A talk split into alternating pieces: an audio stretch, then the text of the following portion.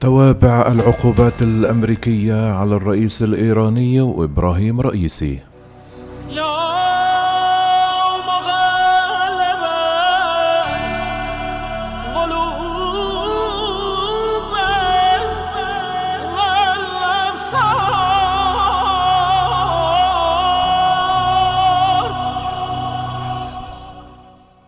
في عام 2019 وفي تجمع لقادة الحرس الثوري الإيراني القوي تعهد إبراهيم رئيسي الرئيس المحافظ للنظام القضائي في البلاد في ذلك الوقت على تفكيك الإيرانيين الفاسدين وأشاد بالحرس الوطني لإسقاطه طائرة أمريكية بدون طيار.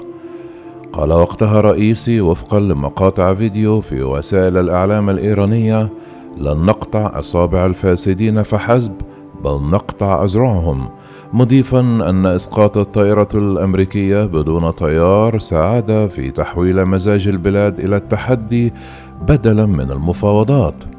والآن تم انتخاب إبراهيم رئيسي المتشدد البالغ من العمر ستين عاما والحليف المقرب للمرشد الأعلى للبلاد آية الله علي خامئني رئيسا بعد حملة ينظر إليها على نطاق واسع. على أنها مصممة لضمان فوزه. على مدار الثمانية عشر شهرا الماضية شغل الرئيس المنتخب منصب رئيس القضاء الإيراني.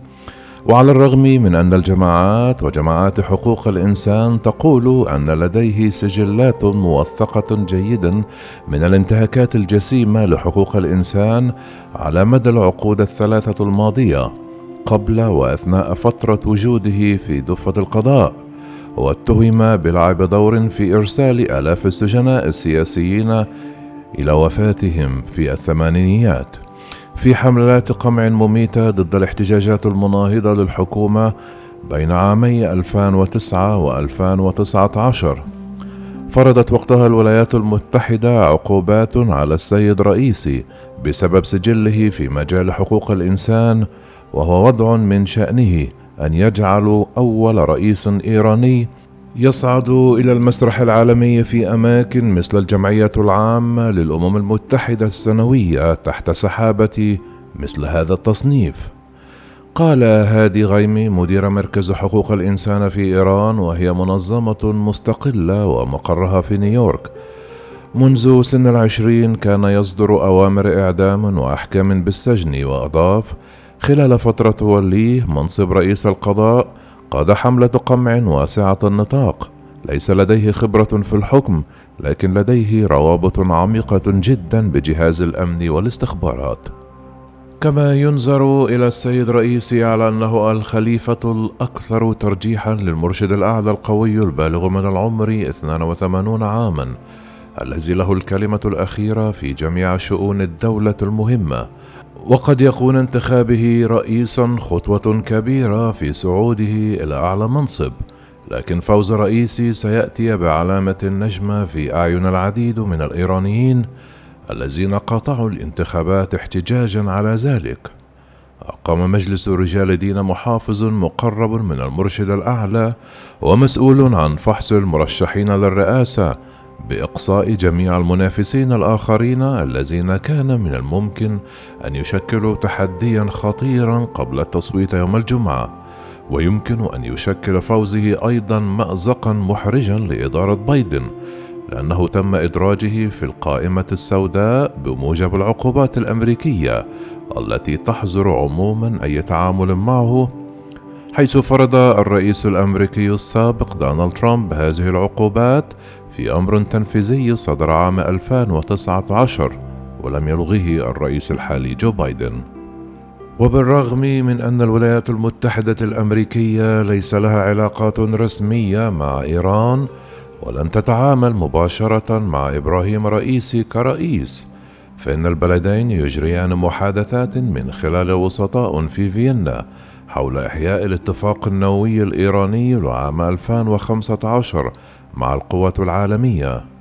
للسيد رئيسي علاقات عميقة من التسلسل الهرمي لرجال الدين في إيران ويتمتع بدعو قوي من الأجهزة الأمنية بما في ذلك قوات الحرس الثوري ومن المتوقع أن يقفوا إلى جانب السياسات المحافظة المتشددة للمرشد الأعلى.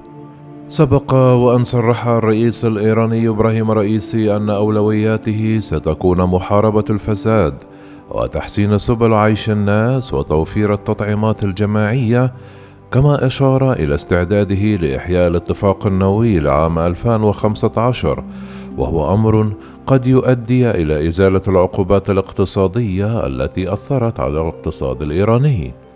كما صرح رئيسي في مقابلة مع التلفزيون الإيراني حيث قال سنضع المصالح الوطنية اولا. أنا أعتقد أنه يجب رفع العقوبات الجائرة ولا ينبغي إدخار اي جهد. كما شكر الناخبين في بيان يوم السبت وتعهد أيضا بتشكيل حكومة ستتحرك نحو العدالة الاجتماعية باعتبارها ركيزة من ركائز الثورة الإسلامية. ويشعر كثير من خصوم إبراهيم رئيسي بالقلق من أنه سيزيد تدريجا من القمع الاجتماعي ويحد بشكل أكبر من الوصول إلى الإنترنت والتطبيقات الشائعة مثل إنستغرام وكلوب هاوس.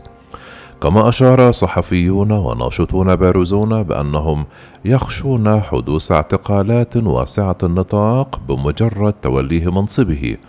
ومع ذلك فإن بعض منتقديه أكثر تفاؤلا ويتوقعون أنه ربما قد يتراجع عن فرض قيود لتجنب إثارة الاضطرابات.